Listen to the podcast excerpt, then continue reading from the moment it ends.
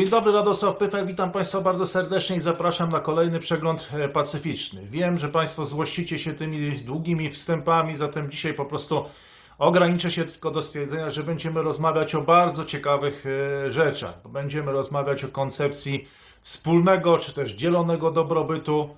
Em, em, Będziemy rozmawiać o dyskusji e, związanej z Unią Europejską, która toczy się w Polsce i już na całym kontynencie i będziemy również rozmawiać o koncepcji pasa i szlaku.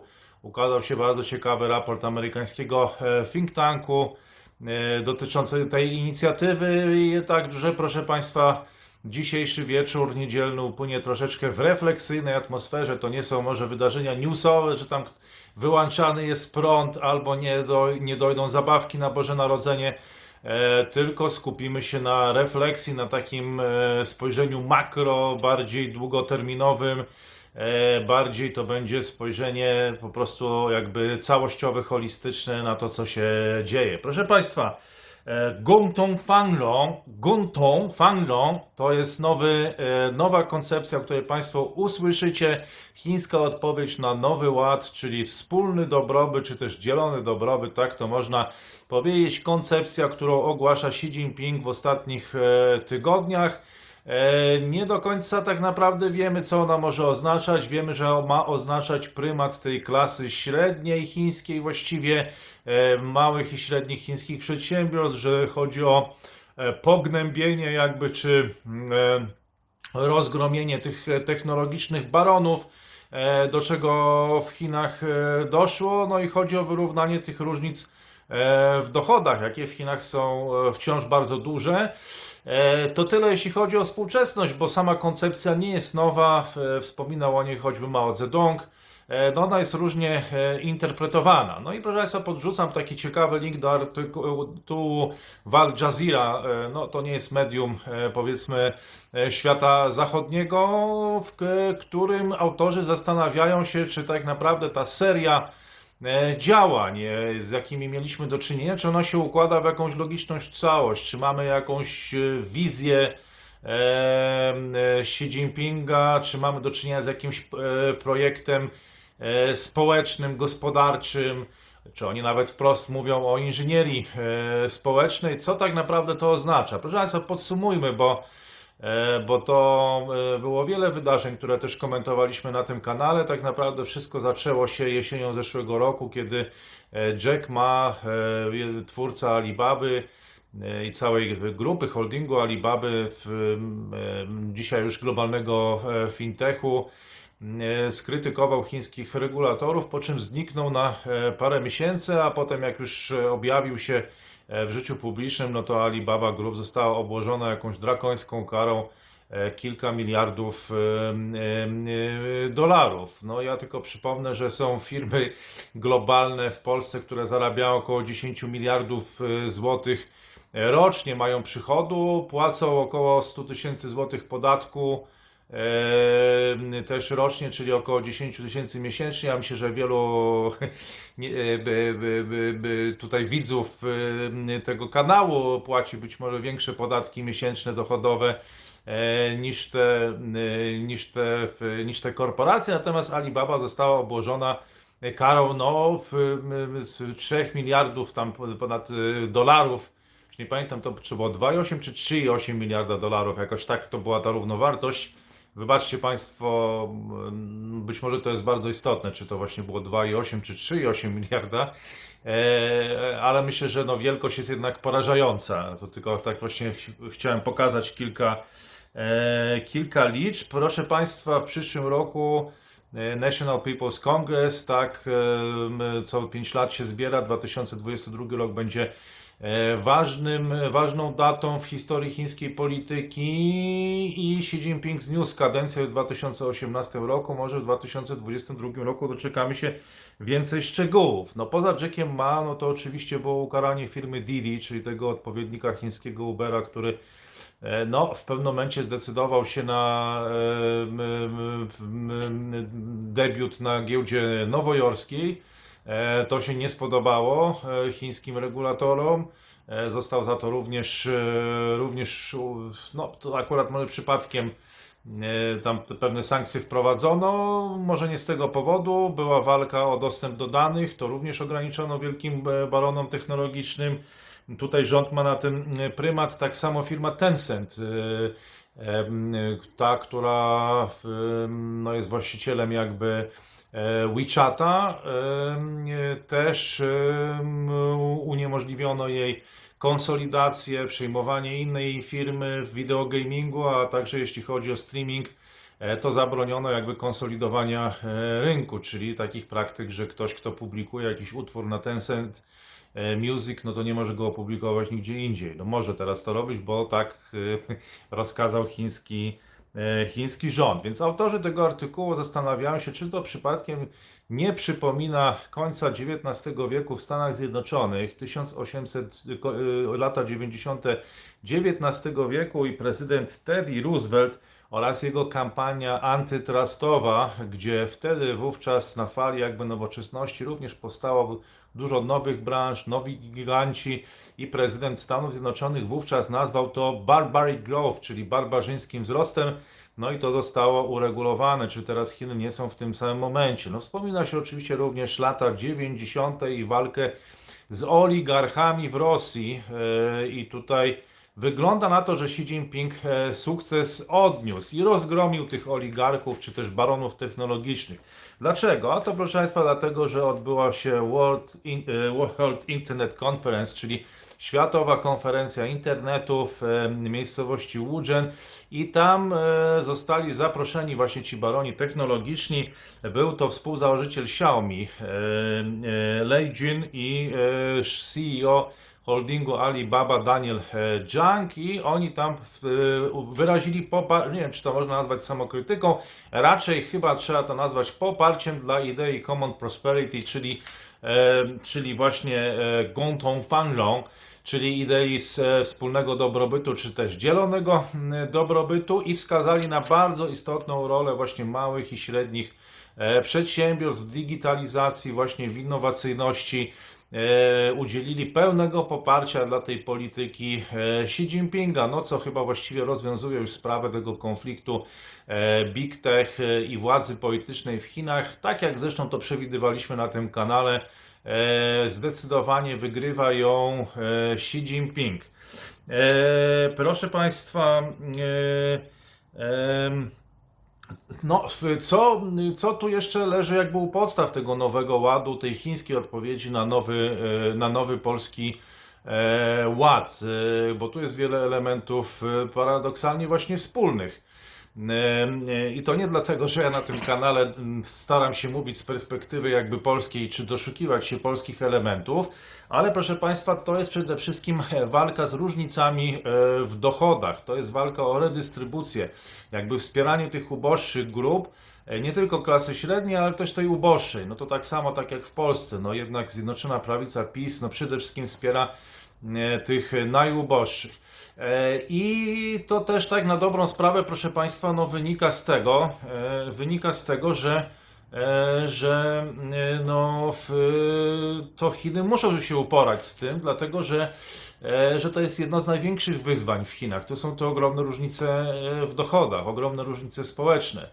E, I, i w, w związku z tym no, doszło również przecież, pamiętajmy, do ataku na korepetytorów, którzy czerpali korzyści z udzielania korepetycji. W związku z tym zabroniono czerpać zysków z udzielania korepetycji dotyczących przedmiotów, które są oficjalnie wykładane w szkole. No to chodziło o to, żeby wyrównać szanse tych najuboższych chińskich e, studentów, chociaż nie wiem, czy ci najubożsi, e, jeżeli mają awansować e, i piąć się w tej drabinie społecznej, no to czy oni potrzebują korepetycji?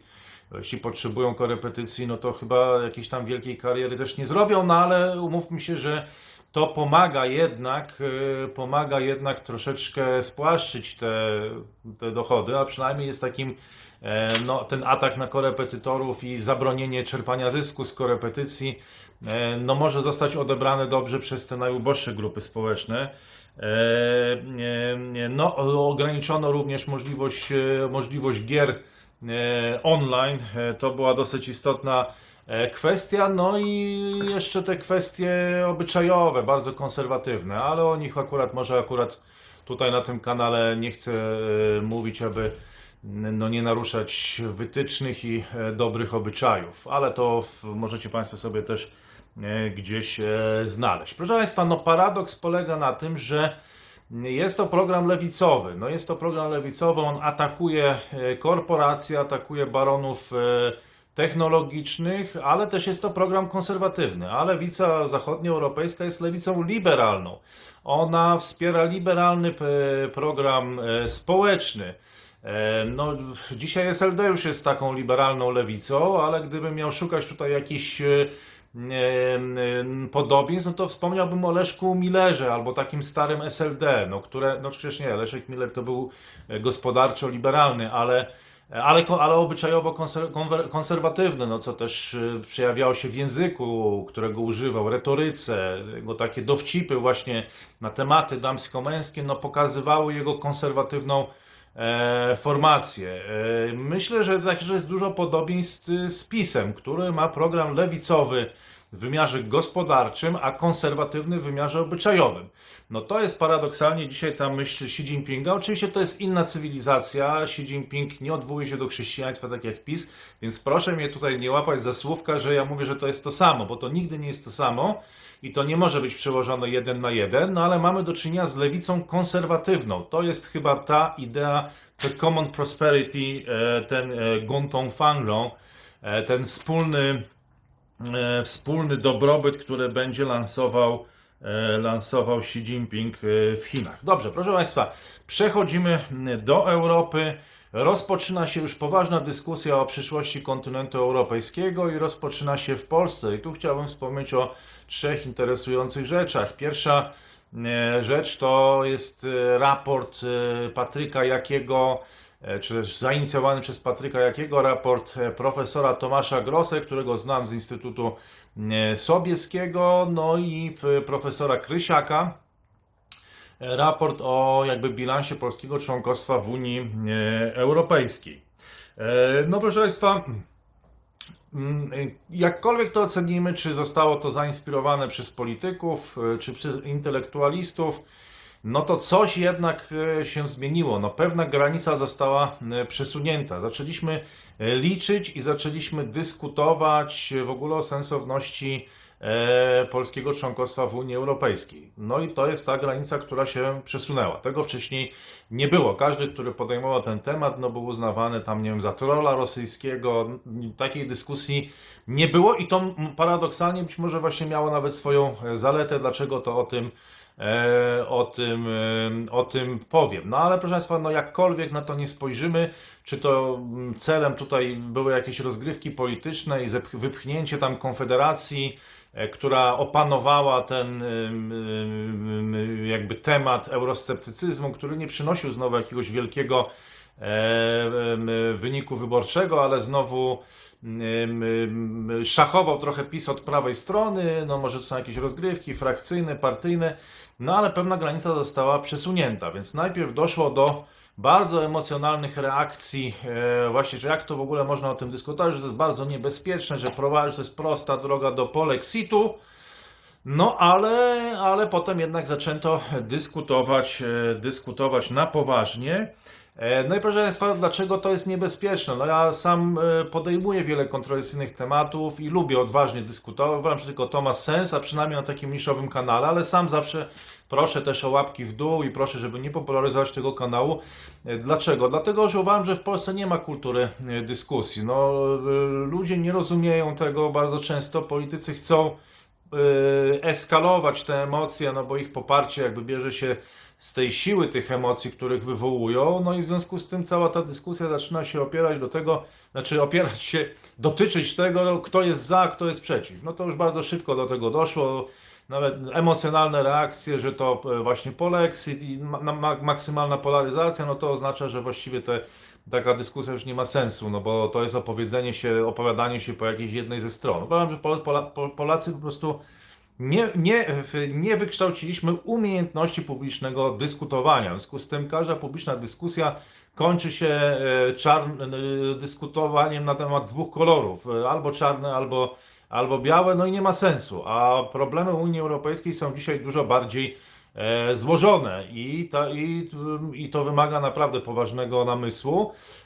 Nie przekonuje mnie to, że tam kilkadziesiąt procent Polaków w sondażach uważa, że jest euroentuzjastami. E, Dlaczego mnie to nie przekonuje? Bo generalnie nie przekonują mnie e, sondaże opinii publicznej. Uważam, że z- te nastawienie opinii publicznej można zmieniać. W wielu krajach to się bardzo szybko zmienia. Elity w niektórych krajach potrafią szybko to zmienić. Więc to nie, nie jest argument, który mnie jakoś, jakoś przekonuje. Wydaje mi się, że przeceniamy trochę w społeczeństwach liberalnych. No ja rozumiem, że wszystko kręci się wokół sondaży i każdy tam patrzy na badania i stosownie do tego się zachowuje, ale to bardzo szybko się może zmienić. Może się zmienić także dlatego, że proszę Państwa, w ostatnich 30 latach, i to też wydaje mi się, że zaczyna już y, trochę pryskać ten mit, no Polacy uważają Unię Europejską za taki, e, to jest taka fasada trochę, że gdzieś tam sobie sami się rządzimy i po prostu bierzemy pieniądze z Unii Europejskiej. Dlatego to było bardzo groźne, co zrobił Patryk Jaki e, i profesorowie właśnie Krysiak i Grosse, bo zaczęli dyskutować o tym, czy my rzeczywiście dostajemy te pieniądze od tej Unii Europejskiej, bo generalnie konsens jest taki, że Unia się nie wtrąca, my tam robimy co chcemy i dostajemy kasę z Unii i, i wszyscy są happy. I to jest przyczyną tego, właśnie takie, taka percepcja Unii Europejskiej, takie zrozumienie naszego uczestnictwa w Unii jest przyczyną tego, że to się cieszy 80% poparciem, czy tam 70%, no w każdym razie jakaś jest miażdżąca tutaj przewaga zwolenników Unii, ale właśnie takiej Unii. A problem polega na tym, że to już nie będzie taka Unia, że będą już koszty, koszty pakietu klimatycznego i polityki klimatycznej. E, problemy migranckie, które się pojawią, no wiele innych. I tu, no nie wiem, no nie chcę y, y, już mówić o innych jeszcze rzeczach bardziej kontrowersyjnych. E, I to może, bo unikam kontrowersji na tym kanale, aby e, być w zgodzie z wytycznymi. Natomiast, e, no generalnie, generalnie może to, może to oznaczać, może to oznaczać, że ta Unia będzie właśnie inna niż ten obrazek idyliczny ostatnich 15 lat, że to jest właśnie taka trochę zdziwa, no e, taka instytucja, która po prostu rozdaje pieniądze. E, No i proszę Państwa, tutaj drugi bardzo ciekawy głos, no to dzisiejsze, właściwie weekendowe wydanie Plusa Minusa Rzeczpospolitej, artykuł Grzegorza Lewickiego, który nie boi się właśnie myśleć, nie boi się snuć planów e, i to e, polecam Państwu ten artykuł o trzech scenariuszach w Unii Europejskiej. Mm, Bo autor robi użytek z wyobraźni. No może nie ze wszystkim można się tam zgodzić, ale mówi o trzech scenariuszach e, takich, że ten polexit to nie będzie wywołany przez Polskę, ale że właściwie on nastąpi w wyniku tego, że Polska się dołączy do pewnego e, obozów niezadowolenia w Unii Europejskiej. No pierwszy to będzie z powodu e, napięcia między północą a południem e, i niejako to będzie aspekt ten solidarnościowy. Czy Polska dołączy do takich krajów jak Grecja, Hiszpania em, i to będzie jakby pierwsza e, rzecz. Druga to będzie próba dominacji e, przez te silne kraje, e, dominacji Unii Europejskiej, co wywoła e, z kolei jakiś no, niepokój wschodniej części kontynentu. I tu Polska może nawet stać się liderem takich niezadowolonych. Nie wiem, czy to będzie koncepcja Trójmorza, e, że będą jakieś dwie prędkości w Unii Europejskiej i coraz bardziej wypychanie tych peryferiów, czyli, czyli właśnie Trójmorza e, w ramach, e, w ramach Unii. E, No i trzecia rzecz, no to jest bałkanizacja, czy podział na różne strefy takie kulturowe bardziej, tożsamościowe. No zobaczymy, zobaczymy co z tego, z tego wyniknie, ale koncepcja, którą jakby tutaj autor przedstawił w plusie i minusie, to jeszcze chyba można nabyć gdzieś na stacji benzynowej, bo to jest papierowa prasa. E, No jest bardzo ciekawa i uważam, że, że interesująca. To są poważne rozważania i użycie wyobraźni. E, Trochę mnie to zaskakuje, że takie teksty zaczynają się pojawiać, e, pojawiać w przestrzeni publicznej, co dowodzi, że, że, że, że właśnie ta granica już pękła, została przesunięta, że nie ma już chyba takiego łatwego powrotu e, do dyscyplinowania wszystkich tych, którzy zaczynają się na poważnie zastanawiać nad Unią Europejską. Wówczas nie można było w Polsce takich dyskusji toczyć, one były odbierane jako atak e, na obecność w ogóle Polski w obozie nie wiem, świata zachodniego, czy demokratycznego, wolnego, no a teraz już można. I to się bardzo, bardzo zmieniło. Bardzo ciekawe myśli Iwana Krastewa, również w plusie i minusie, tylko tydzień wcześniej i on e, mówił o tym, że wyjście Polski z Unii Europejskiej, gdyby do niego doszło, e, ja naprawdę, ja naprawdę tego nie nawołuję i nie jestem tego zwolennikiem, e, przynajmniej w obecnej sytuacji, tak? To żeby było jasne. E, więc, e, e, ale gdyby do niego doszło, tak jak mówi Van Klasten, to byłaby trauma dla Polski, ale to byłaby też trauma dla Unii Europejskiej. Dlaczego? I to dużo większa niż Brexit. Dlaczego? Dlatego, że prósłby pewien mit, e, czy symbol taki, że te kraje, e, no cały jakby mit III Rzeczpospolitej opiera się na tym powrocie do świata zachodniego, tej tęsknocie Europy Środkowej za e, za Europą Zachodnią, ten mit jedności Europy, to jest wyjście największego kraju jednak Europy Środkowej z Unii, e, no to byłaby, e, to byłaby, to byłaby sprawa straszna, to byłoby pogrzebanie tego mitu czy symbolu, tak? I tutaj trzeba się z tym lewicowym e, publicystą, filozofem Iwanem Krastewem e, zgodzić. I zgadzam się z nim również e, wtedy, kiedy mówi o tym, że tak naprawdę konflikt jest wpisany w Unię Europejską, dlatego że jest to sojusz państw, które były kolonia, kolonistami i te, które były kolonizowane, takie jak Polska. W związku z tym, no ci kolonizowani dawniej, no to tak sobie to ustawiają, że mogą robić co chcą, tylko chcą dostawać te pieniądze, jakby godzą się na ten e, taki feudalny troszeczkę układ, e, ale potem e, znowu czują się znowu wykorzystywani, krzywdzeni e, i że to jest e, e, że to jest to napięcie jakby wpisane w to, że jest, istnieje nierównowaga, e, nie tylko różnica percepcji, ale też pewna nierównowaga między tymi e, dwoma rodzajami członków Unii Europejskiej. On się też nad tym e, na poważnie zastanawia, więc e, no, e, warto, warto poczytać i warto śledzić tą e, dyskusję. Tyle jeśli chodzi o, e, o mój komentarz. E, Proszę Państwa, żeby też tak nie było za wesoło, przynajmniej w Chinach, bo gdzieś występuję publicznie i mówię o tym konserwatywnym programie Xi Jinpinga i to nieoczekiwanie się podoba. No Ale, e, no ale to, no nie wiem, no muszę skrytykować teraz jakoś, e, no może coś dla, e, ten yin i yang wyrównać, żeby, żeby, żeby złapać ten właściwy balans i proszę Państwa ukazał się raport amerykański, czteroletni, przez 4 lata był przygotowywany taki raport na temat Belt and Road, na temat pasa i szlaku i to jest A-Data, taki amerykański think tank. 4 lata przygotowali ten raport, e, zebrali 13 tysięcy projektów, przeanalizowali zrobionych w latach 2000-2017, a więc jeszcze przed ogłoszeniem koncepcji pasa i szlaku przez Xi Jinpinga w 2013 roku. No i oczywiście, jak się Państwo domyślacie, jest to raport krytyczny, ale też mimo, że jest krytyczny, zresztą no, nie sądzę, żeby gdzieś tam jakiś think tank zachodni mógł e, napisać jakiś pochwalny raport na ten temat, no to zawiera kilka ciekawych danych, do których warto się odnieść. Otóż zdaniem autorów raportu 42 kraje e, o niskim i średnim dochodzie, e, czyli low and middle income countries, tak?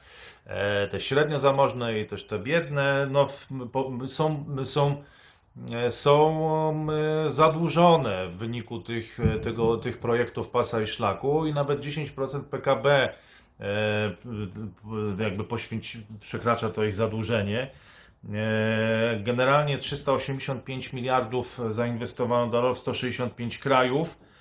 E, No i co było ciekawe, jakie to są te kraje główne, które są najbardziej zadłużone powyżej tego 10%? Laos, Papua, Malediwy, Brunei, Kambodża i Birma. E, No i cóż takiego z tego wynika? Proszę Państwa, bardzo ciekawa rzecz i temu się przyjrzę, bo to nie są sovereign projects, to nie są projekty e, przez e, jakby instytucje rządowe czy państwowe, to są firmy prywatne, ale one z drugiej i tak jest liczony ten dług. No i one w, nie podlegają takiemu rygorystycznemu raportowaniu.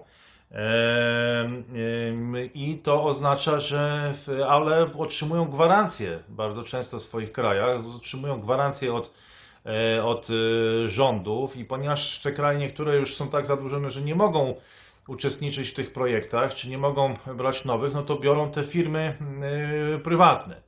No i, i to ciekawe, do czego to e, doprowadzi. Proszę Państwa, później następuje collateralization, czyli wymiana, e, bo to jest jakby brane w zastaw są inne asety, najczęściej surowce, no i potem, jeżeli jest niemożność spłacenia tego długu, no to jest to wymieniane na energię, e, chociażby energię, czy to jest na przykład ropa, czy gaz. W przypadku Rosji to jest 125 miliardów dolarów według tego raportu i zostało to skolaryzowane, wymienione na ropę i gaz. Podobnie jest z Wenezuelą, która otrzyma 86 e, milionów, e, miliardów, przepraszam, no i to zostało włączone jakby w poczet przyszłych e, dostaw ropy. No proszę Państwa, no trzeba się zastanowić, czy te kraje, w, no właśnie, no jaka będzie alternatywa. No teraz ma być alternatywa, czy ten fundusz G7 który Joe Biden ogłosił taki infrastrukturalny, jako taki balansujący właśnie Belt and Road, no bo to łatwo, łatwo krytykować, ale wiele z tych krajów, no nikim nie chciał pożyczać tych pieniędzy i tutaj Chiny są krytykowane za tą agresywną politykę, że pożyczają, ale potem wymieniają z kolei na inne, e, na inne asety. No, raport jest poważny, on się rozszedł po całej zachodniej e, prasie. Oczywiście e, strona chińska E, dementuje to, mówi, że nie wszystkie projekty e, są unsustainable, nie wszystkie są, że są transparentne, nie są unsustainable. E, no i wiadomo, że, że z jednej strony ze świata zachodniego, głównie czy ze Stanów, będzie szła krytyka, no a Chiny będą temu zaprzeczać. No pytanie, czy znajdą się chętni do E, do pożyczania tych pieniędzy, no jak to będzie działać, no bo proszę Państwa, jeżeli to będzie uzależniać te kraje, no to nie będą chciały, yy, chciały pożyczać, no to chyba yy, nie wiem, no nie jest takie, takie proste, nie można zmusić nikogo chyba do pożyczania, tam oczywiście korupcja w tle, ale też wszyscy za, za tego nie ma w raporcie, zresztą E, no Chiny w czasach Xi to już e, szczególnie są na tym punkcie wrażliwe, więc od razu temu zaprzeczają. E, warto się temu przyjrzeć, zostawiam Państwu, zostawiam Państwu link. Proszę Państwa, no mam złą wiadomość, niestety już kończy się ten komentarz. Może liczyliście Państwo na więcej, ale powoli zmierzamy do końca. Kończymy przysłowiem Musashi, Miyamoto Musashi. To taka postać, może starsi z widzów kanału jeszcze pamiętają, był kiedyś taki japoński film w telewizji polskiej e, o japońskim samuraju, o jego przysłowie. E, traktuj e, siebie traktuj niepoważnie, ale poważnie traktuj cały świat. Czyli właściwie to jest tak, do, do, siebie podchodź luźno, ale bardzo głęboko, czy bardzo poważnie podchodź do całego świata.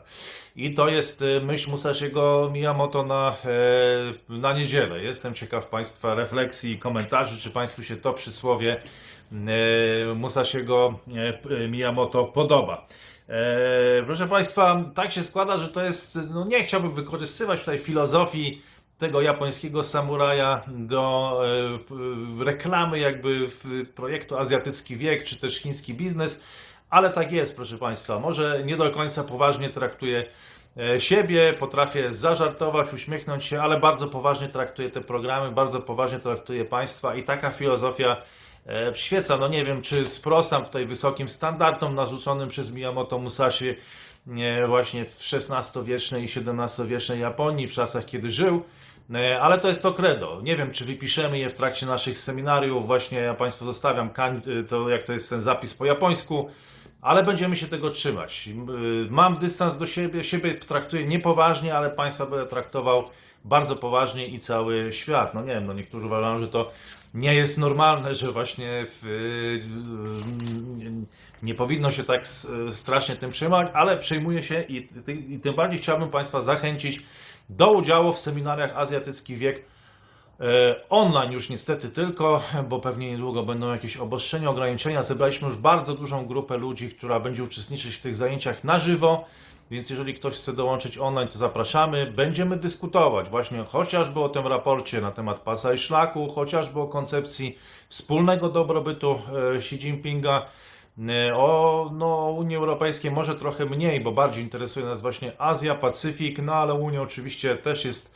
ważna jako globalny gracz i też jest nam bliska, bo, bo przecież jesteśmy członkami Unii Europejskiej i y, i sprawy Unii Europy w, no też nas dotyczą w jeszcze nawet większym stopniu niż Pacyfik, który również ma wielkie e, znaczenie. Więc proszę Państwa, zapraszam na Azjatycki Wiek Online, zapraszam na chiński biznes i to jeszcze nawet stacjonarnie kilka miejsc się znajdzie.